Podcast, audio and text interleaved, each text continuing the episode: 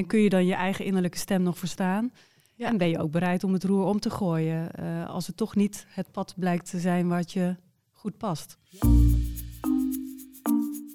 Welkom bij Eva's podcast Vrij om te leiden. Luister jij graag naar deze podcast? Join onze community en betaal slechts 25 euro voor een jaarabonnement op het Eva magazine. Ga naar eva.eo.nl slash abonnee. Aangekomen bij aflevering 4 en vandaag gaan we kijken naar de ontwikkeling en de groei van datgene wat in jou geplant is. Hoe kan dat groeien en wat is daarvoor nodig? Ik herinner me dat ik een paar weken eh, geleden of een paar maanden geleden bij uh, Lynn Austin was. Zij is de bekende boekenschrijfster en zij vertelde um, dat zij ooit eenzaam en alleen uh, in Zuid-Amerika had gezeten. En toen zoveel boeken moest lezen in een Spaanstalig land, want ze kennen geen Spaans. En aan het einde van het lezen bedacht ze, ja, misschien kan ik nu zelf ook wel schrijven, want ik heb zo enorm veel boeken gelezen deze afgelopen maanden. Volgens mij had ze een jaar daar gezeten en gelezen met nauwelijks contact. Mm -hmm. En dat is altijd haar bron van inspiratie geweest, vertelde ze. Dus ik dacht, oh ja, hoe gek kan het gaan dat je iets laat bloeien wat misschien helemaal niet jouw idee is geweest, maar wat dan plotseling ontstaat. Jolanda, hoe, hoe, hoe, uh, hoe zie je dat? Ja, grappig hè, dat verhaal van uh, Leen uh, Austin. Nou, het, het, Um, ik kan me dat ook wel heel goed voorstellen. Want als je natuurlijk met iets bezig bent, hè, dat je denkt, en dan, kan passie zich soms ook opeens kan ook gaan ontstaan. Soms weet ik ook helemaal niet of ik iets kan. Maar als ik het nooit geprobeerd heb, dan, uh, dan weet ik het niet. Dus daarom zeg ik ook heel vaak, weet je, ga gewoon met meerdere dingen tegelijk ook gewoon eens van start. Als ik kijk naar mijn kinderen, ja, mijn, mijn dochter begon met viool spelen. -hmm. Nou, dat was het niet, maar paardrijden wel. Dus dat oh, ja. is gewoon grappig hoe zoiets gaat. Dat mag, want kinderen doen ja. het heel ontspannen. Ja, die doen dat ja. gewoon spelenderwijs. Dus ik denk ook echt dat wij wel eens veel meer mogen spelen. Ja. Op avontuur gaan. En ergens op een gegeven moment in onze ontwikkeling, dan hebben we zoiets, uh, ja, dan komen we in dat, in dat stramien terecht. Zo moet het, zo hoort ja. het. En we mogen juist, niet meer zoeken dan? We mogen niet meer zoeken, mogen niet meer ontdekken. Dat raken we ergens kwijt onderweg. En dat is zo jammer. Ja, en is heel essentieel, hoor ik je ook zeggen. Ja, want ik denk wel, als ik ook kijk naar Linde, is het zo mooi dat ze ergens dus geïnspireerd werd door de boeken zelf. Hè. Dus ja. eigenlijk dacht ze van, wauw, wat, wat geweldig, ik heb zoveel gelezen. Maar dat zit dus blijkbaar nu allemaal in me. Ja. Dat is opgehoopt en ergens moest er een soort explosie bij haar blijkbaar komen ja. om het dan ook weer eruit te krijgen. Nou, dat is expressie. Lieve Kitty werd in een, uh, een heel mooi boek voor heel veel vrouwen. Ja. Kan ik me voorstellen, ja. ja. ja.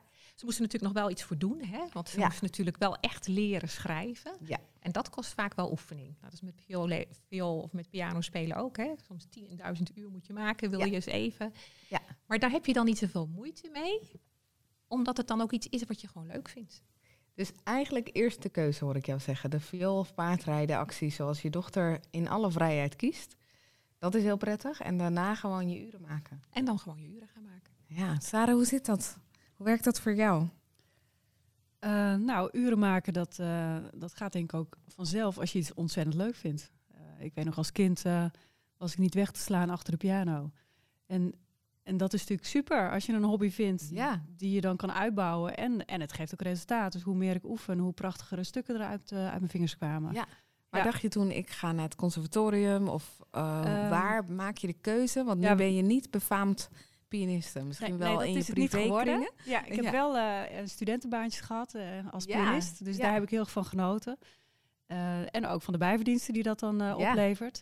Maar er is ja, wel een keuzemoment geweest van nou, hier ga ik niet mijn baan van maken. Ik word wel ingenieur en dit is mijn hobby waar ik gewoon van geniet. Ja.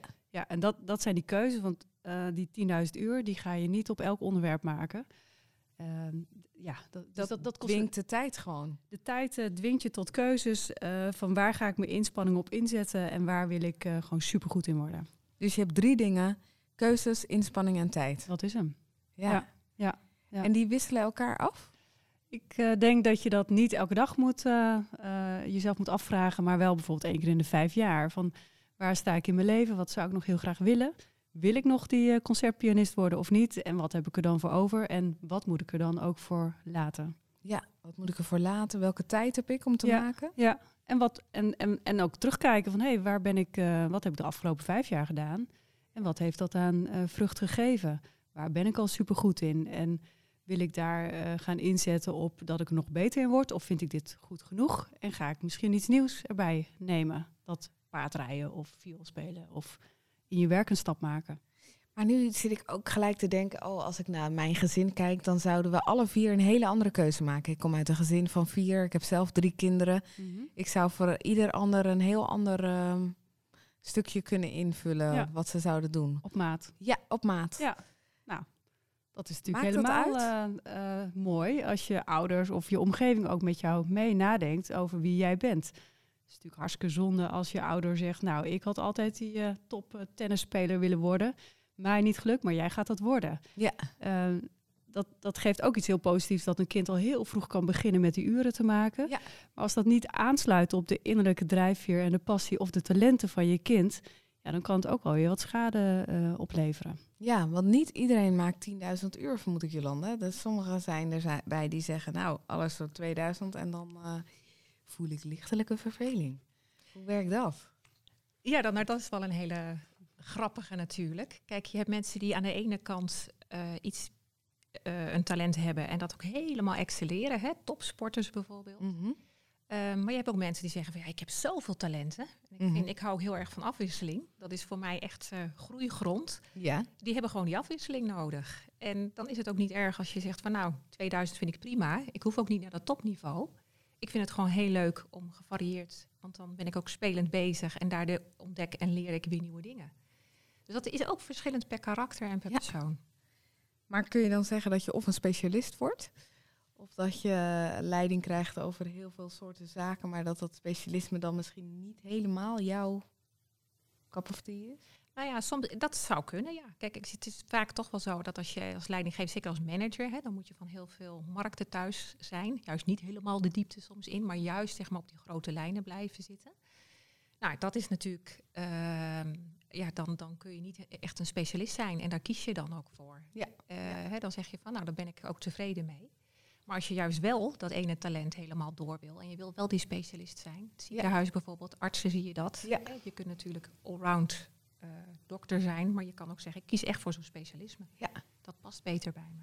Het is ook wel interessant dus om even voor jezelf, voordat je dat gaat doen, om bij jezelf te raden te gaan en te denken, oh ja, maar ik ben dus iemand die zo'n specialist is. Of ik ben zo iemand die eigenlijk, nou, na een poosje al verveeld raak. En, uh, en dat is dus prima ook. Ja, het is goed om te weten van jezelf. Ja, want anders als je denkt, uh, het lukt steeds maar niet. Nou, ja. dat helpt natuurlijk ook niet in, de, je vreugde van je werk of, uh, of, of je gezin ook. Hè? Dus ja. als je zegt, ik ga elke dag, moet ik voor mijn kinderen zorgen thuis dan hoor je al het woordje moeten, dan gaat dat waarschijnlijk niet werken. Ja. Terwijl je misschien een veel betere moeder bent als je het combineert met een, uh, ook nog een uitdagende baan. Ja. Omdat het beter bij je past. Dus de inspanningsstijl is heel erg belangrijk om te bedenken, past die wel echt bij mij of is die opgelegd door externe? Ja, ja, ja, ja. En kun je dan je eigen innerlijke stem nog verstaan?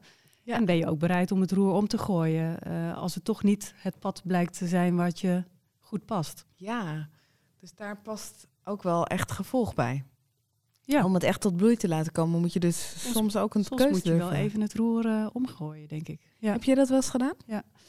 Uh, nou, voor mij was het dus het roer omgooien van uh, specialist, oké, okay, maar tot bepaalde hoogte. Ja. En ja, het ingenieursbureau waar ik nu werk, wordt het teetje altijd gebruikt. Dus de, je diepte teetje is dan het specialist, het ja. stokje. En het horizontale streepje is hoe breed je wil zijn.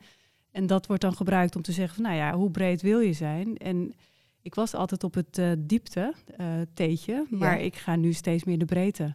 De T-shape model. De T-shape model, ja ja, ja, ja, ja, En voor iedereen is daar een andere uh, verhouding in, wat ook bij diegene past.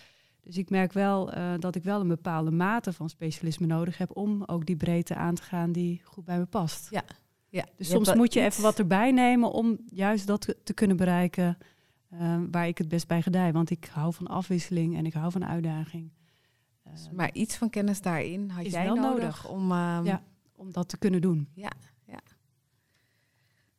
Om te groeien zijn er een aantal punten nodig. En wat heb je nodig om juist aan de vakmanschap te hangen? Want ik hoor de vakmanschap, dat vind ik de specialist.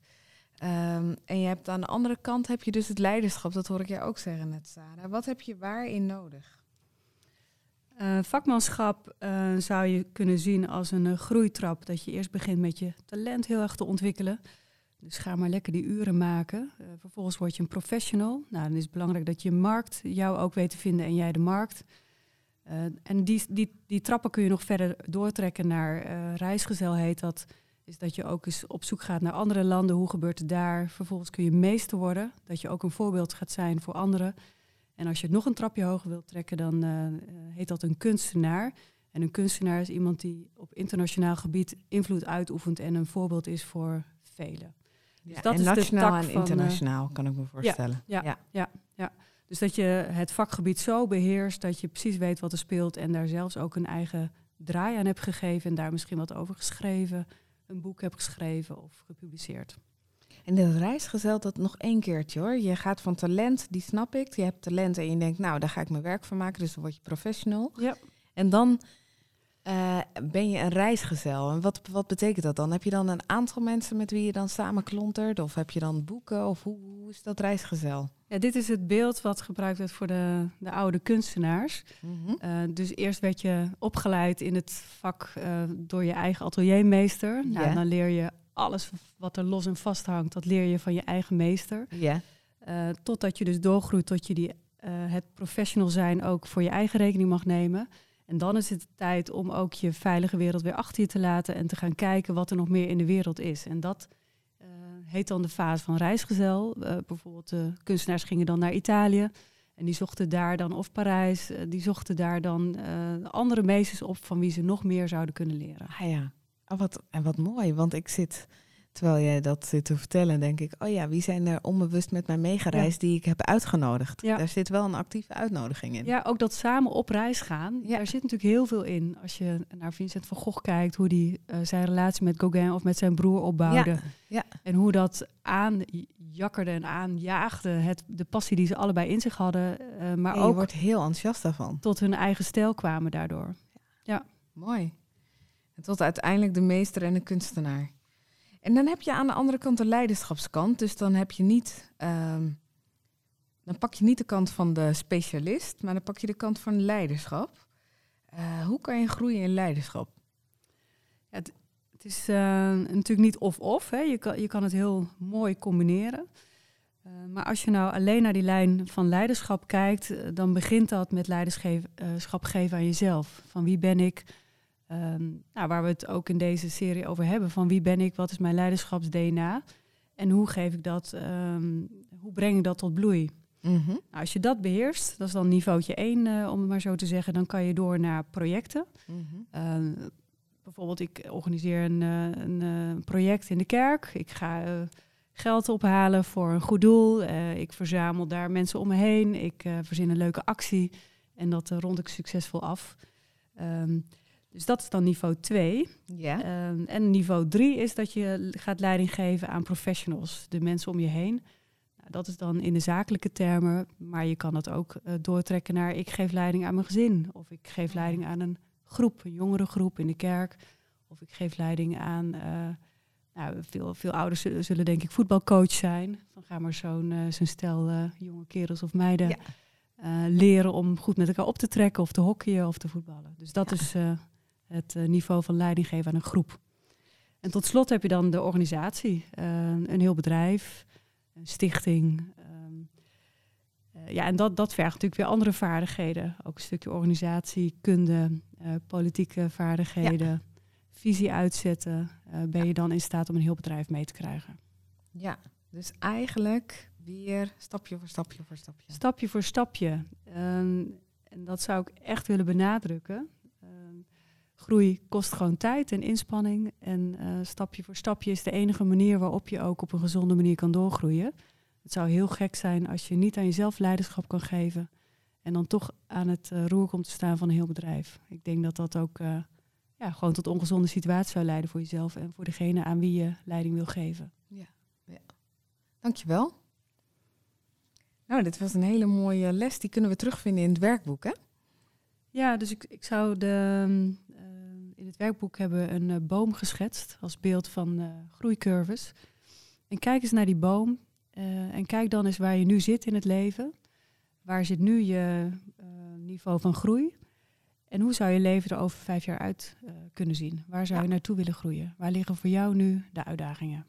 Jolanda, ik ben zo benieuwd. Dat, waar zit jij nu in je, in je hele eigen situatie? Ja, ik merk zelf een beetje tegen dat niveau van kunst. Dat, nou ja, dat vind ik een beetje te groot misschien. En ben aan de ene kant ben ik. Ja, maar jij, ja, waarom vind je dat te groot? Nou ja, goed, ik heb al wat dingen waar ik mee bezig ben. Zoals zingen bijvoorbeeld in een auditorium. Uh, vereniging vind ik heel leuk. Ja. Um, dus dat daagt me uit. En aan de andere kant uh, uh, is eigenlijk Sarah wel mijn reisgezel. Ja. zeker op het gebied als schaatsen van leiderschapsontwikkeling. Waarmee we samen ook eigenlijk op weg zijn om te kijken van ja, hoe kunnen we ook vrouwen eigenlijk ook veel meer uh, instrumentarium aanreiken in dat wat zij nodig hebben in hun ja. groei. Want ja, dat hebben we nu eigenlijk niet zo benoemd. Maar ik heb in Indonesië gewoond en daar zag ik ook dat heel veel mensen soms geen kansen hebben. En dat vind ik zo mooi.